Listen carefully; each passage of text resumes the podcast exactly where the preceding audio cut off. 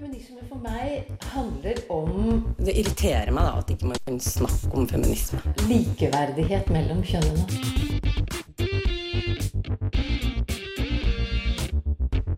Det blikket på kvinnen på film. handlet det om å bli tatt på alvor som jente.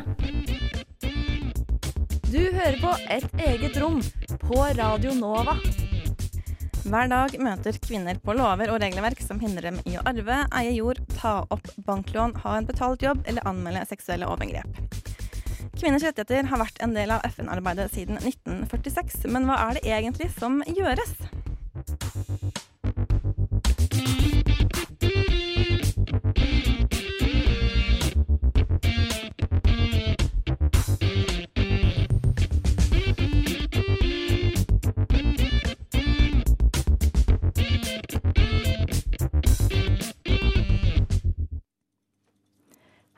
Og god formiddag, eller god morgen. Jeg er ikke helt sikker på hva som blir mest eh, teknisk riktig. Formiddag klokka ti. Klokken ti. Det er formiddag. Det Det er er- i hvert fall. Formiddag. Da sier vi det. Det er i hvert fall mandag, og det er FN-uke, kan man vel si. Det er i hvert fall FN-dagen eh, nå på torsdag. Og Andreas sin bursdag! Veldig viktig for meg. Veldig viktig Veldig viktig for alle. At du har bursdag, At det jeg er? Først og fremst meg. Først og fremst deg. Så verden. Det er altså Andrea Berg og meg selv, Linda Rostmerk, som eh, snakker her i studio eh, akkurat i dag. Og det er også FN som er eh, tema for den kommende timen. Og FNs kommisjon for eh, kvinner den ble etablert i 1946. eh, Under FNs økonomiske og sosiale råd, og er egentlig den viktigste internasjonale møteplassen for diskusjonen om kvinners rettigheter. Eh, Og her møtes det folk hvert eneste år og evaluerer og planlegger og det ene og det andre. Så det er på en måte den, kanskje den øverste paraplyen som vi holder oss under akkurat eh, i dag. Men altså, vet du noe særlig om FN med tanke på altså, likestillingsarbeidet deres? Jeg tror at på en måte For meg så er det sånn Jeg ser for meg den der, det bærekraftsmålet, den der store rosa boksen. Og et stort likhetstegn. Og så håper jeg at de gjør det. At de gjør det. Det, litt, det var litt mitt utgangspunkt hvert før denne sendingen. Nå kan jeg litt mer. Nå, ja, men det er jo Du har lært noe, med andre ord. jeg håper å lære mer. Det er jo interessant. Dette er ikke første gang vi har en sending om FN. Eh, Det hadde vi også for ca. tre år siden. Eh, Men nå skal vi liksom gå enda grundigere til verks når det gjelder likestillingsarbeidet. Men da, for tre år siden, da snakket vi med Rune Arctander i det norske FN-sambandet om likestillingsarbeidet til FN. Eh, Og vi skal starte det hele med et lite utdrag fra akkurat det intervjuet. FN har jobbet strategisk og lenge med kvinners rettigheter helt fra starten. Og selv om verdenserklæringen for menneskerettigheter fra 1948 gjelder for alle mennesker, så er det mange spesielle utfordringer knytta til likestilling.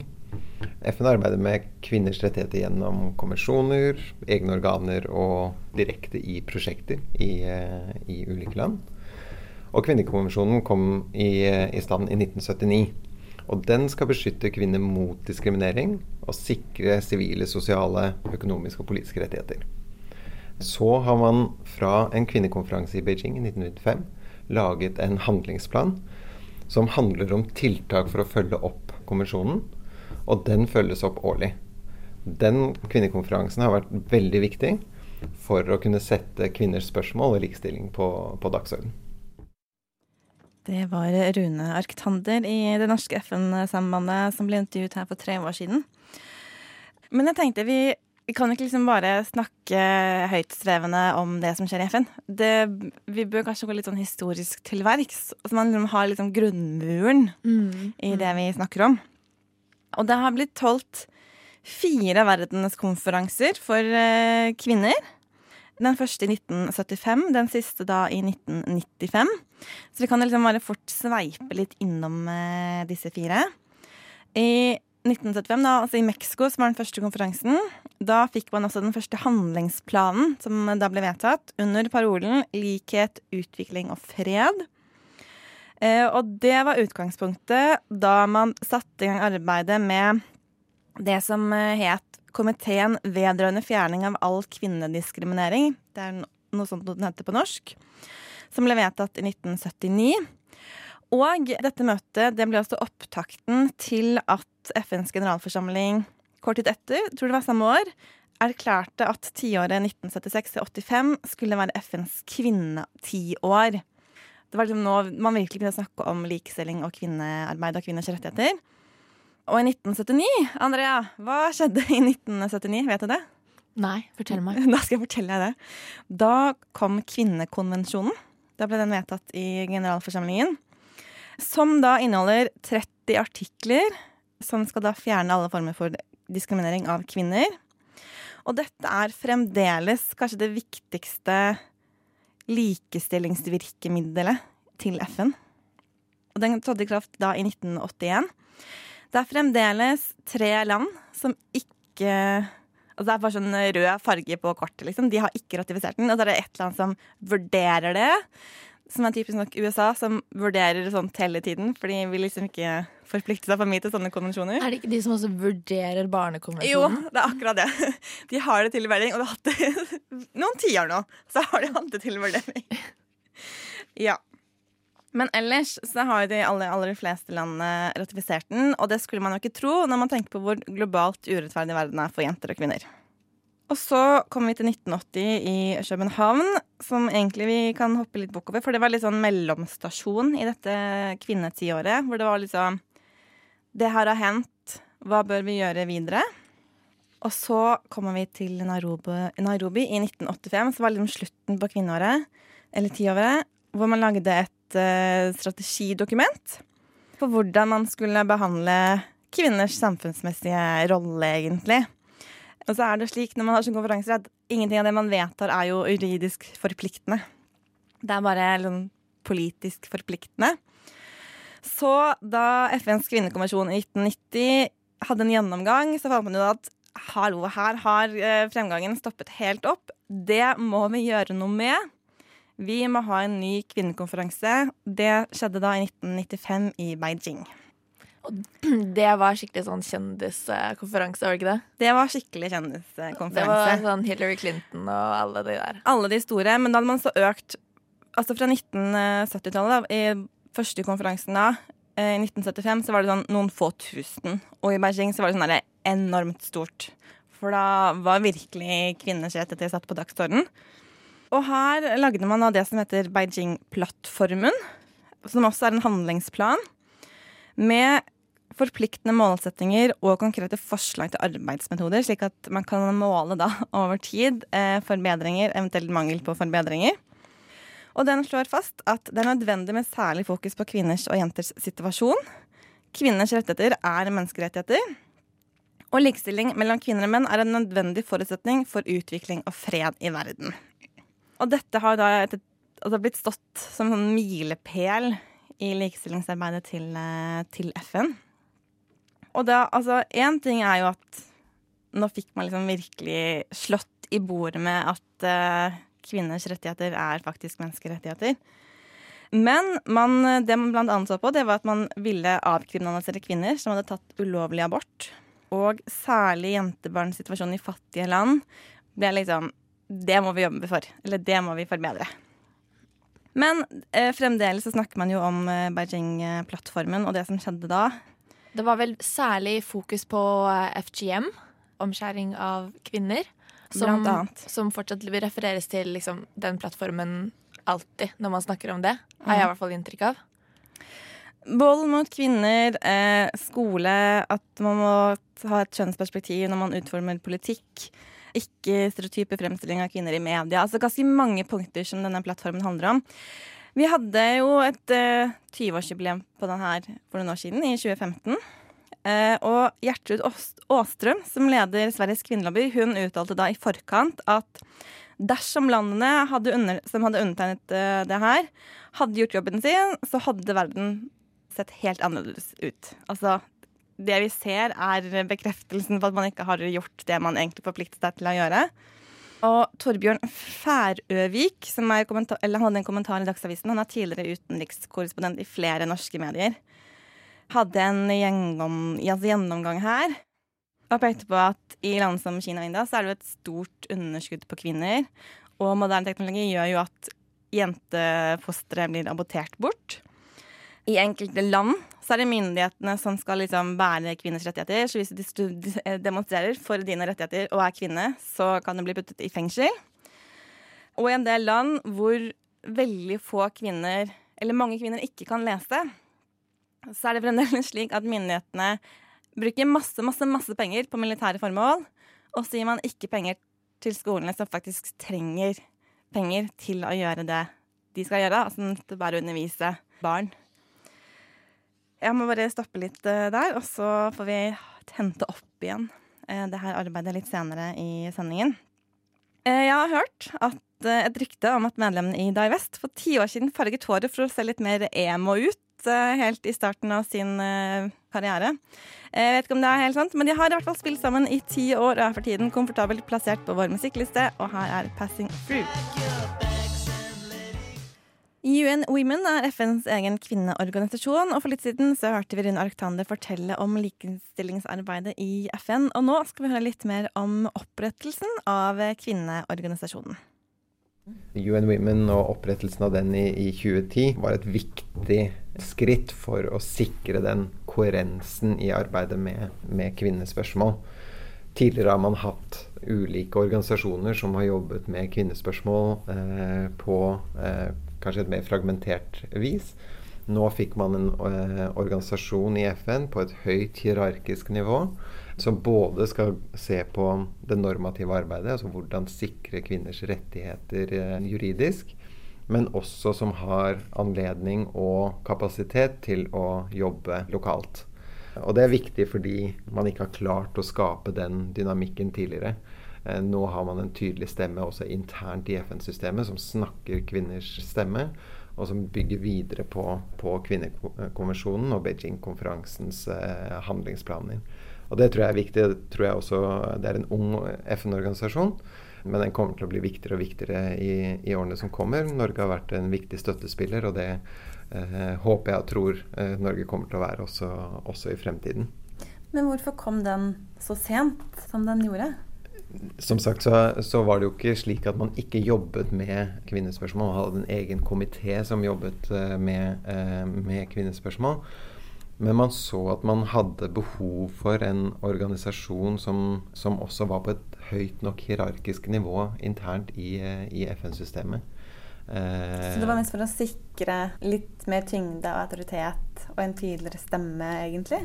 Ja, og det er akkurat det den har bidratt til det at man har noen som kan uh, gå inn og jobbe uh, internt i FN med uh, kvinnespørsmål, samtidig som man har den muligheten til å jobbe lokalt med stater på kvinnespørsmål, tror jeg har vært en styrke. men det er fortsatt en liten organisasjon, fortsatt en ny organisasjon, men en veldig viktig organisasjon. En veldig viktig organisasjon, det er UN Women. Opprettet i juli 2010, så den er jo ganske ny. Jeg trodde faktisk at den var eldre enn det, så det overrasket meg litt da jeg lærte det. Norge, da, bare for å skryte litt, det er jo ikke alltid vi er like fornøyde med det vi gjør, eh, men de er en av de største bidragsyterne til UN Women og var også med i det panelet som foreslo å opprette denne organisasjonen. Eh, og altså sitte til styret. De er vel 40 forskjellige land som rullerer litt på å sitte i styret der, tror jeg. I hvert fall så er det 40 land som sitter i styret. Og UN Women de jobber jo med både verktøy og muligheter og for å påvirke litt sånn på alle nivåer. Og de har tre definerte hovedoppgaver. Det er å videreutvikle internasjonal politikk og sette standarder på likestillingsområdet. De gir bistand til medlemsland som teknisk, ønsker teknisk eller finansiell støtte til å innføre disse standardene som de jobber med. Eh, og de koordinerer innsatsen for å integrere et kjønnsperspektiv i alle deler av FN-systemet. Og de er jo selvfølgelig ekstremt opptatt av dette med diskriminering av kvinner og jenter, og styrke kvinners innflytelse og deltakelse i samfunnet. Og de områdene som de kanskje jobber spesielt mye med, men ikke bare, det er fred og sikkerhet, eh, menneskerettigheter og det humanitære området. Altså, hvor, altså de områdene hvor kvinner kanskje er på sitt mest sårbare. Og så har de åtte prioriterte områder som de mener er liksom grunnleggende for framgang rundt kvinners eh, likestilling. Og det handler om at man skal øke kvinnelige ledere og beslutningstagere. Det handler om vold mot kvinner, at kvinner skal engasjeres i fred- og sikkerhetsprosesser. Styrke kvinners økonomiske deltakelse. At likestilling skal være et fokus og et sentralt tema i planleggingen og budsjetteringen av nasjonal utvikling. Eh, at eh, kvinners rolle skal styrkes i alle eh, av FNs bærekraftsmål, og at vi må spesielt synliggjøre kvinners perspektiv når det gjelder hiv og aids. Jeg tror mange har, har sånn derre Ja, men hiv og aids, det er liksom bare sånne gamle homofile menn som Ja, det er sånn uh, George Michael-problem. Ja. Ja. Uh, men globalt så er det jo mange unge kvinner som eller blant annet gjennom voldtekt får det her. Uh, Som trenger eh, behandling resten av livet. Og veldig mange barn blir også født, Født med med det. det. Så det er jo et stort problem. Og UN Women det er altså de som i stor grad har sagt at diskriminering av kvinner, det forsterker fattigdom. Det er et faktum. Du må gjerne lukke øynene for det, men diskriminerer du kvinner, så vil eh, økonomisk utvikling være vanskeligere. Og så er det sånn at i de landene hvor det ikke har slått helt til, så er det litt sånn rike oljeland, eksempel, som eh, ikke har vært avhengig av kvinners yrkesdeltakelse for å faktisk ha en økonomisk utvikling. Og det handler jo om at ikke bare så taper samfunnet på at kvinner ikke får utdannelse, ikke får lønnet arbeid, men det handler jo også om at hvis man ser litt annerledes på det, hvis ikke du tjener dine egne penger, så er du også helt avhengig av eh, en, et mannlig medlem, da, hvis det er bare menn som kan ha inntekt, eller eie ting. Det er litt som den der eh, Statoil-reklamen, eller Equinor-reklamen, som går nå for tiden. Som er sånn Forrige århundre oppdaget eh, Norge vår største ressurs, og det var ikke oljen, det var kvinnen. Og så er det sånn Og så snakker de om hvordan Det er jo den, den eh, kampanjen som eh, folk eh, går, gikk bøssebærer for i går. Er det ikke det? Ja, det er riktig. Ja. Mm. Eh, så det, ja. Sånn at eh, kvinner de må liksom opp og frem, og da er det en del lover og regler som må endres på. En del politikk som må endres på. Masse normer eh, og tradisjoner. Men det er derfor vi har UN Women. Og så, som det han Rune Oktanus sa, at nå har de liksom fått et en tydelig stemme på det her i FN, men jeg er fremdeles litt redd for at den stemmen drukner litt. At det er litt sånn Ja, vi vet at dere er der, og dere bråke litt og er litt sånn overalt. Men nå skal vi i Sikkerhetsrådet ha et møte, og da passer det litt dårlig at dere kommer med disse kvinnespørsmålene hele tiden. Ja. Ja, og eh, Peace Corporation Review skrev jo for uh, to år siden en uh, rapport hvor de prøvde å finne ut hvordan representasjonen av kvinner generelt i FN var. Og da sa de det klarer vi ikke. Det er kjempevanskelig å finne tall på. Og kritiserte FN for å gjøre dette vanskelig med vilje, fordi at de eh, mistenkte at det var veldig dårlig representasjon. Eh, og synes, og så fant de jo Men det, de estimatene de fant, da, var at det var 78 eh, mannlige ledere og 22% kvinnelige. Så det syns jeg jo sier noe om kanskje at man har eh, satt et veldig viktig spørsmål som angår handle, eh, halve jordas befolkning, til side og gjort det til et, kanskje et nisjetema, eh, som det jo ikke er.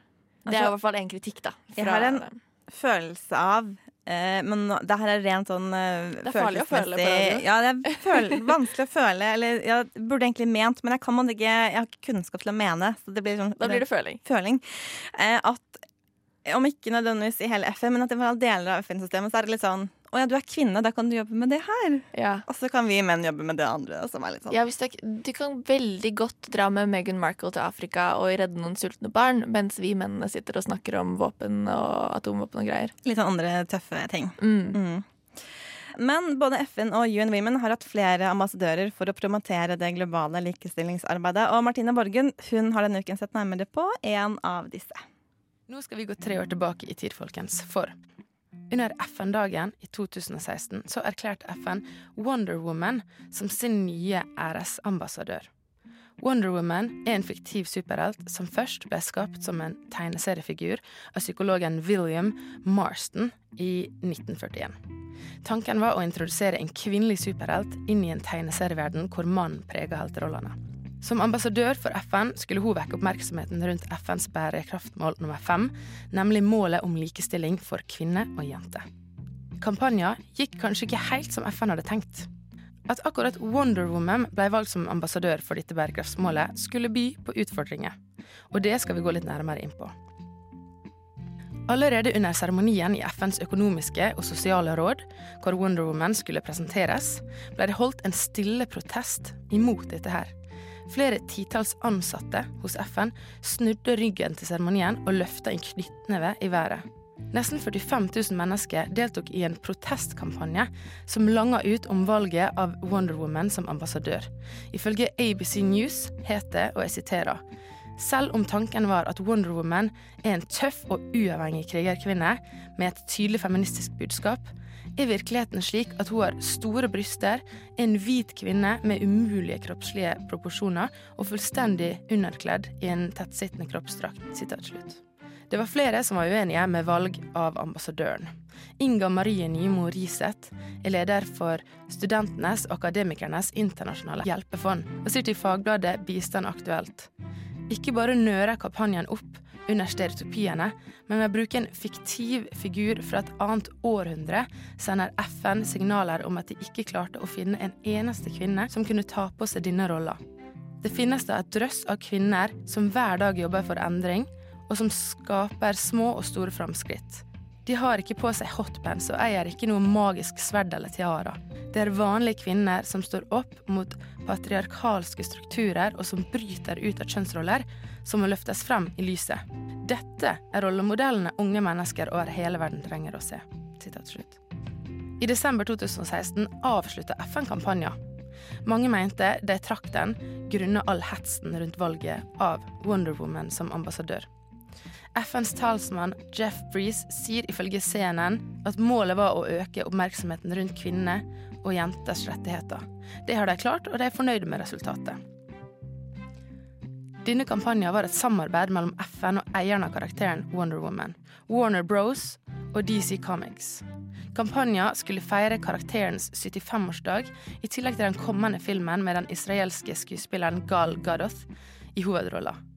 Både Garoth og skuespilleren som spilte karakteren på 1970-tallet, Linda Carter, var til stede under seremonien. Mahar Nasser, leder av publikasjonsstyret i FN, svarte på mye av kritikken de hadde fått. I en artikkel skrevet på National Public Radio sin nettside sier han at FN i samarbeid med DC Comics toner ned antrekket hennes. På tegninga av henne som ble brukt, hadde hun på seg kappe rundt halsen som dekka skuldrene og de viste henne bare fra livet og opp. Han sier at citat, fokuset var på feministbakgrunnen hennes. Det at hun var den første kvinnelige superhelten, og at hun alltid har kjempa for rettferdighet og fred. Sitat slutt. Og i denne saken så hørte du Martine Borgen. FNs bærekraftsmål er noe du kanskje har hørt om, og vi skal altså snakke om dette ganske snart. For i 2015 så vedtok FNs medlemsland 17 mål for en bærekraftig utvikling frem mot 2030. Men hva er bakgrunnen for disse bærekraftsmålene?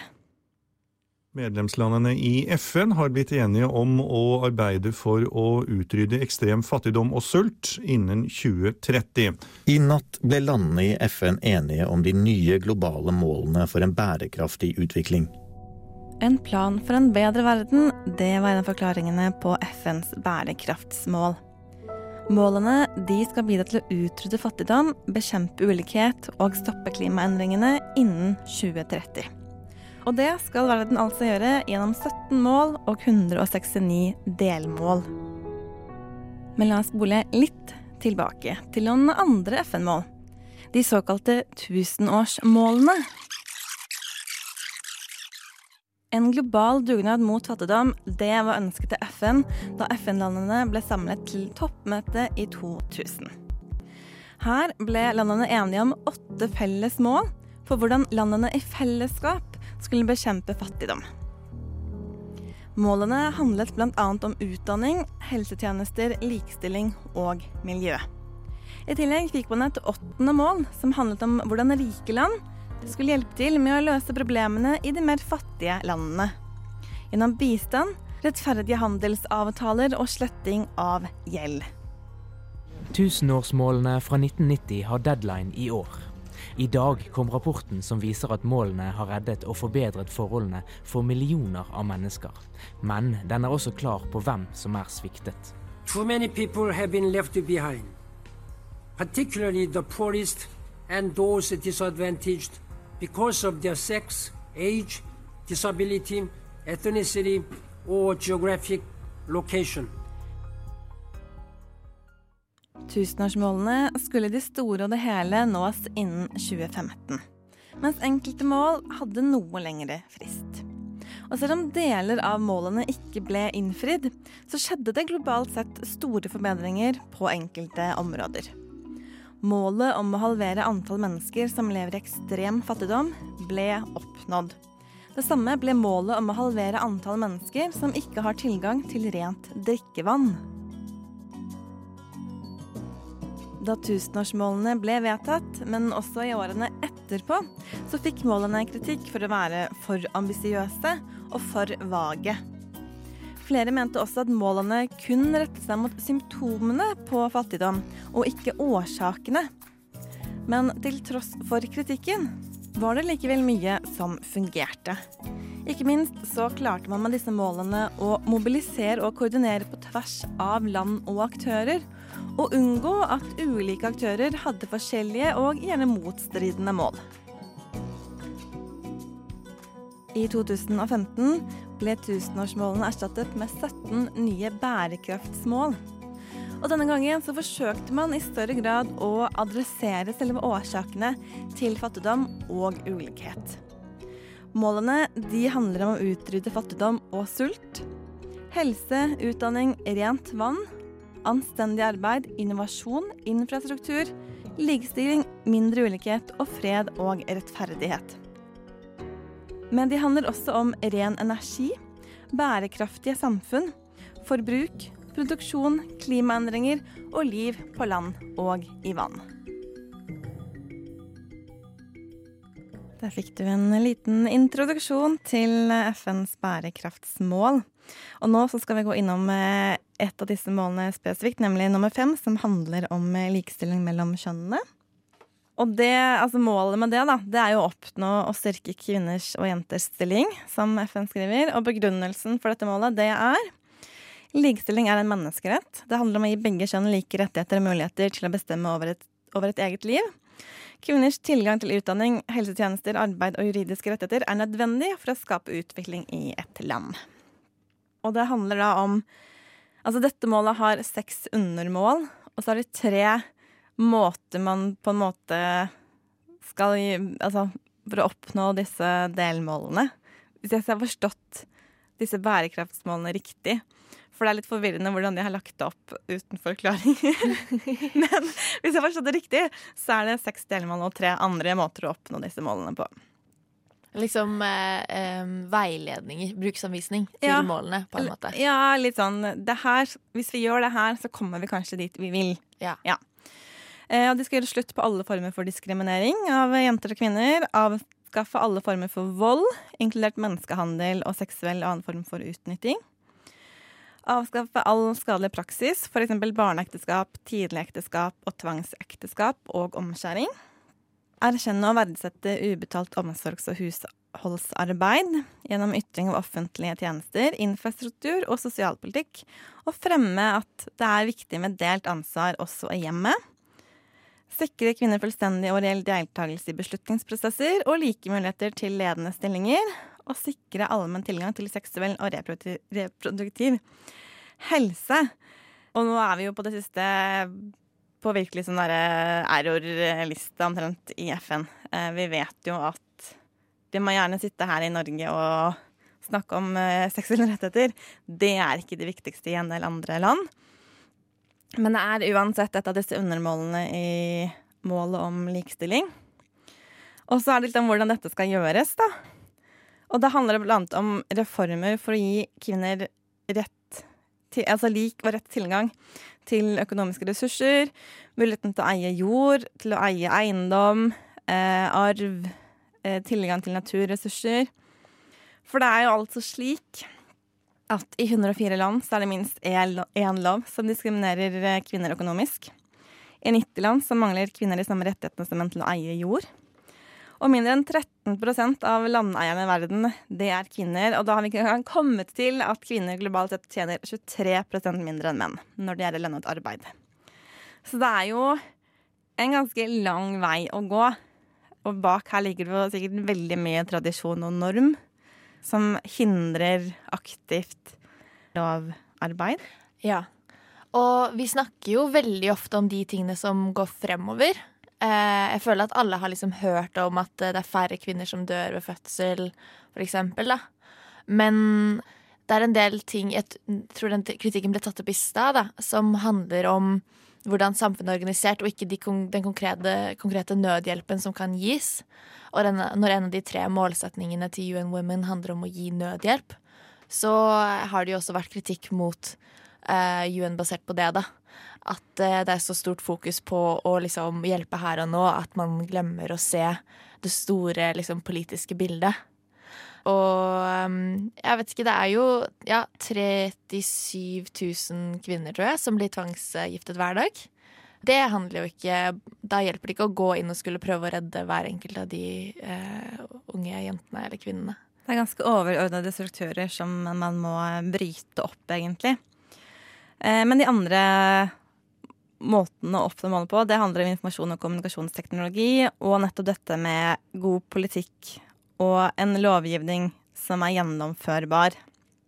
Og så kan man jo forstå litt at det, eh, man får kritikk for at det er litt vagt, fordi i en del av punktene, det har jeg ikke nevnt nå med vilje, så står det blant annet formuleringer som etter hva som passer i det enkelte land, og i samsvar med nasjonal lovgivning. Eh, og jeg skjønner at det er viktig for å få så mange som mulig land til å forplikte seg på sånne ting. Og så lurer jeg litt på om, det kanskje kan ha en negativ effekt, da. Hvis den nasjonale lovgivningen som er eksisterende, hindrer eh, likestilling, og så er det litt sånn i tråd med Altså, hvor ja, går grensene her, da? Det har jo også vært kritikken mot menneskerettighetene generelt. Vi har jo et punkt i menneskerettighetene som handler om å sikre familien. Og da tolker man jo det i Norge som å sikre rett til å bygge sin familie på den måten man selv vil, og så tolker man det i Saudi-Arabia som det hellige ekteskapet mellom mann og kvinne. Ja. Eh, og i andre land så er det totalforbud for abort fordi at eh, fosteret ja. må ha leverett til familien. Absolutt. Ja. ikke sant? Og så lever vi jo også i en tid hvor eh, statsledere i økende grad bruker den type retorikk. Her har vi alltid gjort det sånn. I eh, Brasil så er det sånn, ikke sant. Eh, som, og at eh, vestlig imperialisme via liksom, f.eks. FN kommer inn og skal liksom, kødde med våre institusjoner. Og når de da også åpner opp for en sånn eh, løs tolkning, så er det kanskje litt farlig, ja. Jeg er litt, eh, jeg er litt redd for det, egentlig. Samtidig så gir det jo veldig økt oppmerksomhet. Vi har jo sett en milliard bilder av Erna Solberg med den bærekraftsfotballen. Ja. altså det er Jeg jobbet litt med bærekraftsmålene på en sommerjobb i fjor sommer. Og da køddet vi med at uh, Erna Solberg må ha liksom et, rom, et eget rom på Stortinget som bare er til de bærekraftsmålfotballene. For hun får jo en hver gang hun drar på sånn møte. du må bare flakpakke dem og putte dem i hyller på Stortinget. Så hvis du vil ha en sånn fotball, så er det bare å kontakte statsministerens kontor, så får du kanskje en i posten. Det er veldig mye statistikk, men vi har ikke tid til å gå gjennom masse tall, for vi må etter hvert eh, videre, og da kan vi jo hoppe ut i litt sånn musikk. Inspirasjonen fra 80-tallet blandet med elektronisk disko og R&B. Det er beskrivelsen på låta vi skal få høre nå. Eh, jeg tror ikke jeg skal prøve meg på den spanske uttalen av artistnavnet, men eh, sangen den heter i hvert fall Blanco. Blanco hørte du her på Radio Nova og et eget rom. Vi har snakket litt om et av bærekraftsmålene til FN, nemlig målet om likestilling mellom kjønnene. Men likestilling er også viktig mer overordnet. Det forteller Rune Arktander i FN-sambandet. Fattigdom, klimaendringer, konflikter, ulikhet og økonomisk nedgang rammer kvinner uforholdsmessig hardt. Og når kvinner da utgjør flertallet av fattige og er mer sårbare fordi de mange steder mangler formelle rettigheter, og Derfor er det viktig at bærekraftsmålene reflekterer dette. Både gjennom et eget mål, men også er, har en overordnet utfordring som gjenspeiles i, i, alle målene. For du kan ikke snakke kun om eh, likestilling. Du må også snakke om likestilling innenfor fattigdomsbekjempelse, utdanning, det å skape mindre ulikhet og eh, også det å stoppe klimaendringene. Og når det gjelder disse bærekraftsmålene, så eh, Som du sa i, når vi svarte på det her, Andrea, det er jo en lang oppskrift, sånn feministisk oppskrift på hvordan eh, få en bedre verden. Ja. Du kan egentlig snakke om hva som helst Ja. når det gjelder bærekraftsmålene i et feministisk eh, perspektiv. Ja, det er virkelig eh, Det er uendelig, altså, med materialet der å gå etter. Jeg har plukket ut noen, og så får vi se om vi egentlig rekker å si alt det jeg har lyst til å si. Det rekker vi sikkert ikke. Men eh, mål tre, det handler i hvert fall om god helse. Eh, og her finner vi blant annet et av, del, altså et av delmålene. Det er dette med å redusere mødredødeligheten.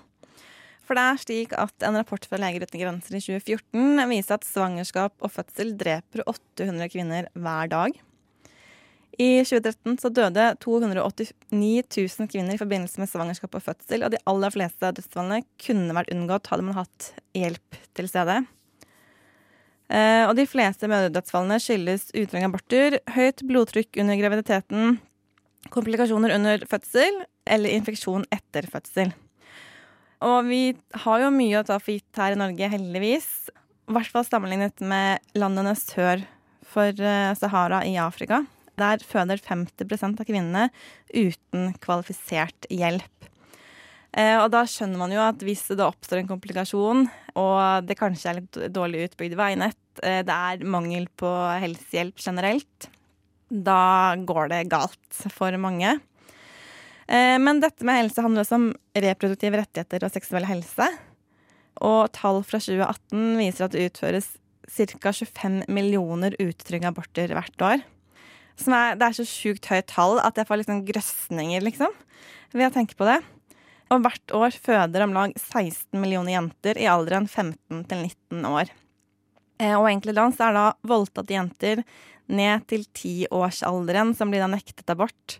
Med mindre de selv står i fare for å miste livet. Og det er bare sånn Nei, de er barn! Altså, det burde jo ikke være mulig. Men det er virkeligheten der ute. Og så handler jo eh, et annet mål, hvis vi kan nevne det, det er jo dette med rent vann og gode sanitærforhold, som jo har vært en sånn sak for kvinnebevegelser og organisasjoner lenge. Eh, fordi det er jo ofte kvinner og jenter som må gå og hente vann. Jeg tror også bare den, det symbolet med den kvinnen som går og bærer Ja. den enorme vanntanken på hodet, er veldig veldig sterkt. Ja. Det, bare, det sier så mye, da. Om, ja, om hvordan, eh, hvordan eh, rollefordelingen er i veldig mange land. Ja, Pluss at det nok også spiller litt inn i en sånn idé vi har da om Afrika i Vesten. Sånn, Ikke minst. Vi er veldig glad i det bildet.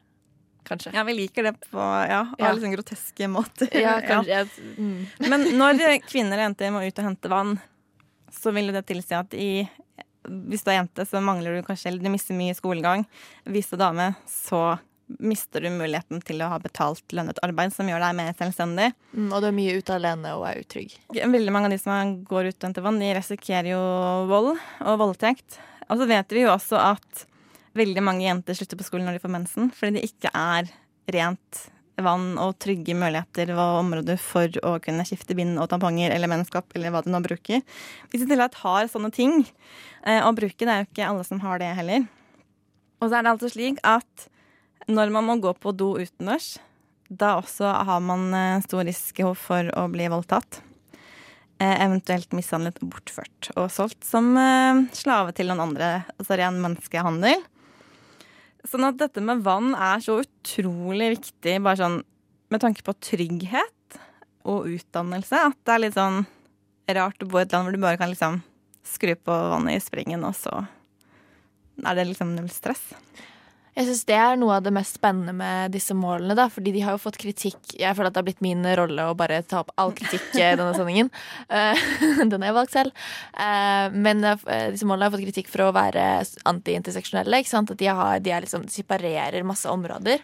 Men her ser man jo at man tar et tema som vann, vannmangel, og finner at det er et kjempeviktig eh, tema når det kommer til kvinnehelse. Og ja, jeg snakket med min eh, romkamerat Fanny før jeg dro hit i dag. Og hun var på et møte med UN Women om skatt.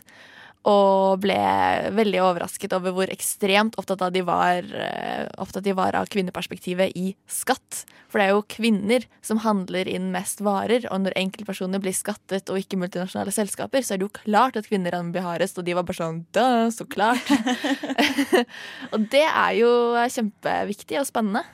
Helt, helt enig. Så litt skryt fra kritikeren. Litt skryt. Ja, men det er fint, eh, Andrea. Vi hopper litt uh, videre. Gjengen bak det norske navnet Blomst de valgte å slippe sitt siste album på selveste kvinnedagen, og da passer det jo å spille Blomst på en dag som denne. Her er Oss som bare drar. Oss som bare drar fikk du her av Blomst på Radio Nova, og vi må runde litt av sakte, men sikkert. Vi har vært, var litt inne på tidligere dette med f.eks. kvinnekonvensjonen. konvensjonen at folk er litt sånn Folk tar litt sånn forbehold, og det står veldig sånn i teksten sånn, Ja, vi er for kvinners rettigheter, men akkurat det punktet det vil vi ikke. sånn da forplikter vi oss på alt bortsett fra det. Men det er jo ikke bare selve konvensjonen hvor det her er tilfellet. Fordi i 2014 da hadde man et sånt stort kvinnemøte. Og man ble ikke enige om et sluttdokument. Og det var veldig spennende, eller mye spenning rundt om de kom til å få til det her i 2015. For det er eh, noe med at man er uenige. Og da skrev Eva Bratholm i Norad en kommentar. Likestillingsagendaen i FN er under angrep. Og poenget er at for Norges del så handler det ikke lenger om å utvikle og implementere gode vedtak, men å nesten i desperat kamp kjempe for å beholde formuleringene fra sluttdokumentet fra Beijing i 1995.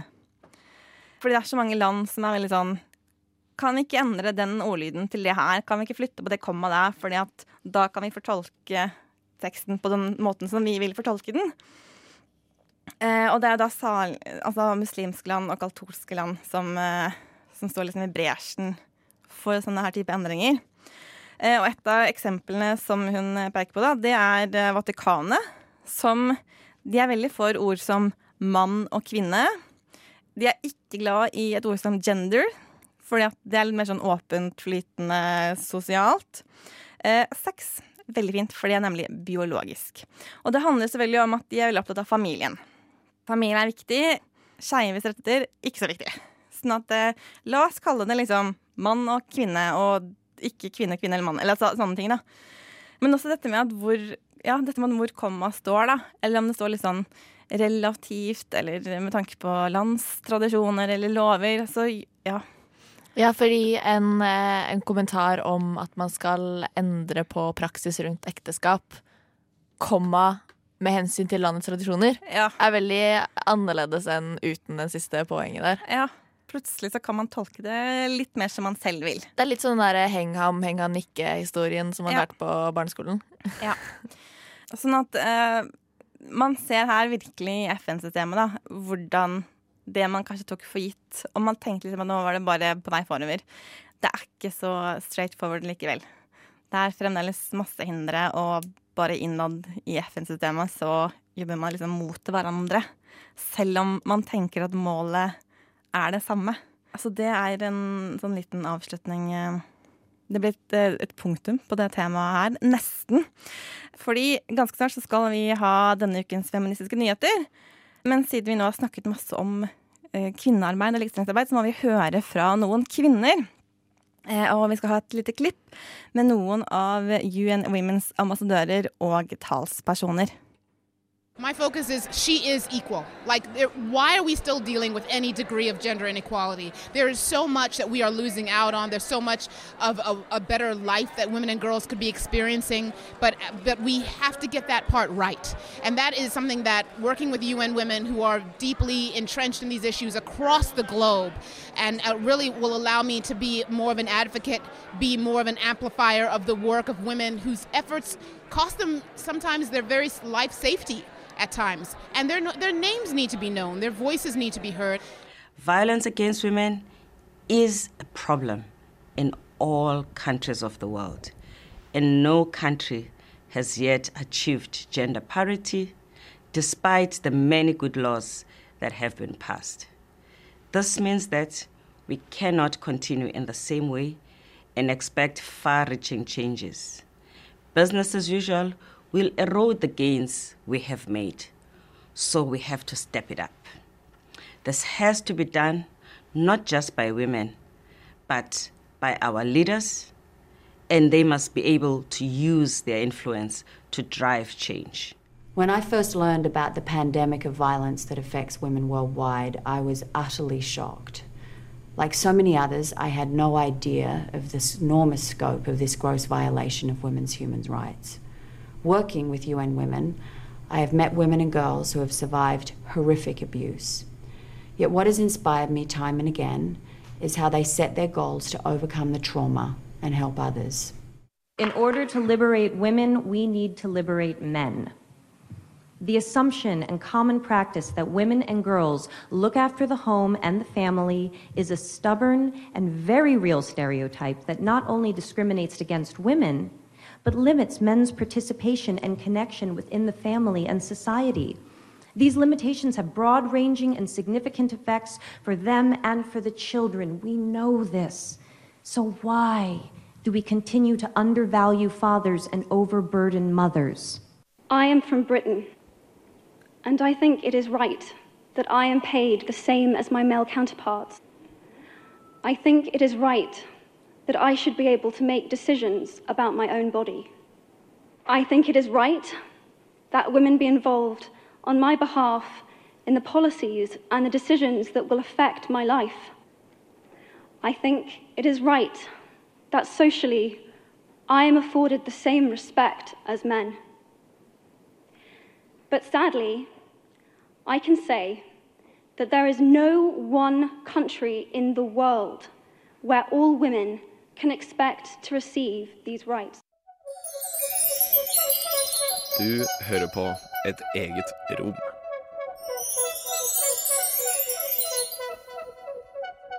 Denne uken, nå er du klar, Andrea, til eh, litt uh, feministisk nytt? Alltid klar til litt feministiske nyheter. Så kom nyheten om at regjeringen i Polen skal behandle et lovforslag som kan gjøre det ulovlig å snakke med barn og unge om sex, eller det de omtaler som promotering av sex for mindreårige.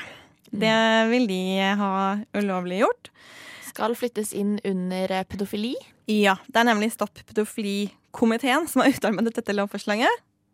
Og det, men det, ja. Og skal kunne straffes med opp til tre I forslaget år? så sto det tre år, men regjeringspartiet vil øke den til fem år. Det skulle egentlig bli behandlet nå på fredag, men det har blitt utsatt og sendt tilbake til en komité som jobber med lovforslag. Og det her er faktisk i sammenheng med at det har vært mange homofobiske angrep på Polens, eller fra Polens eh, regjeringsparti mot homofile. Som de har blitt utpengt som altså, den nasjonale hovedfienden.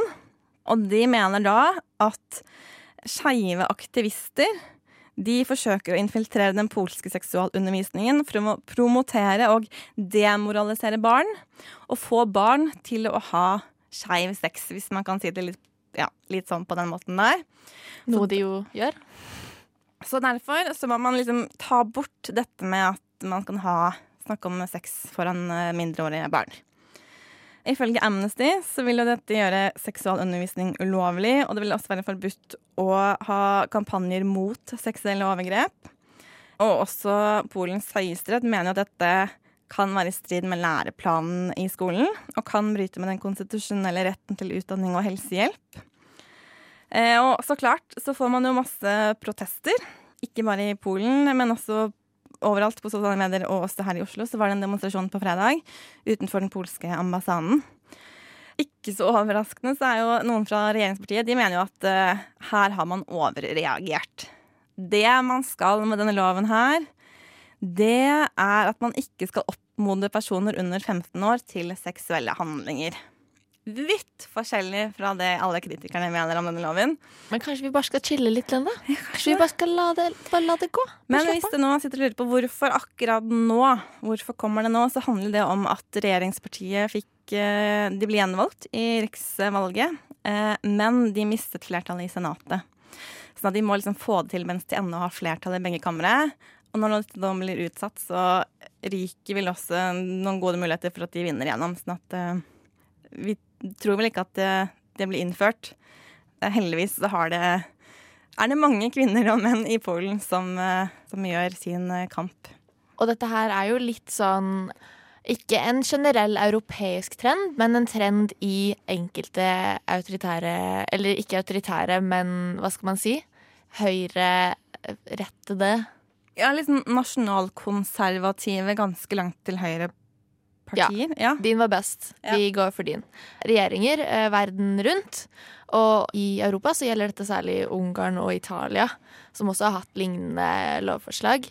Og dessuten eh, det minner det jo veldig om homopropagandalovgivningen i Russland, som skal hindre oppfordring til eh, skeiv eh, sex. Ja. Ja. Ikke gi dem informasjon, fordi da kan de bli keen.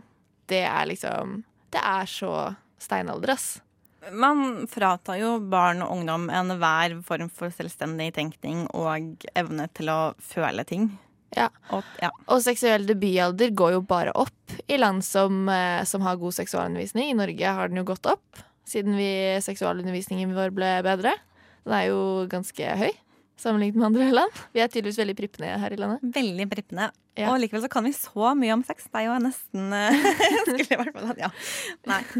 Eh, vi må bare Vi ser jo mest i porno og på porno i Europa da også, da. Så. Ja. Eh, vi får bare støtte våre søstre og brødre der ute. Det er egentlig alt vi kan si den saken her. Det er det. I like to joke about the man box, which is like you can only be a man if you fulfill these certain qualities and you stay within this Mhm. square. Du hører på Et eget rom på Radio Nova. Some of the best feminists I know, man. Vi må takke, oss, eh, takke for oss for denne gangen. I studio så har du hørt stemmene til André Berg og meg selv, Lina Therese Rostmark. Og i tillegg har du hørt Martine Borgen bidratt til denne sendingen. Vil du høre mer om likestillingsarbeidet til FN, så kan du sjekke ut vår tidligere FN-sending i din podkast-app. Og der finner du også flere andre episoder dersom du vil høre mer av Et eget rom. I denne sendingen har du hørt klipp fra NRK Nyheter, Dagsrevyen, The Hollywood Reporter, FN og UN Women. Og vi høres om en uke klokken ti her på Radio Nova.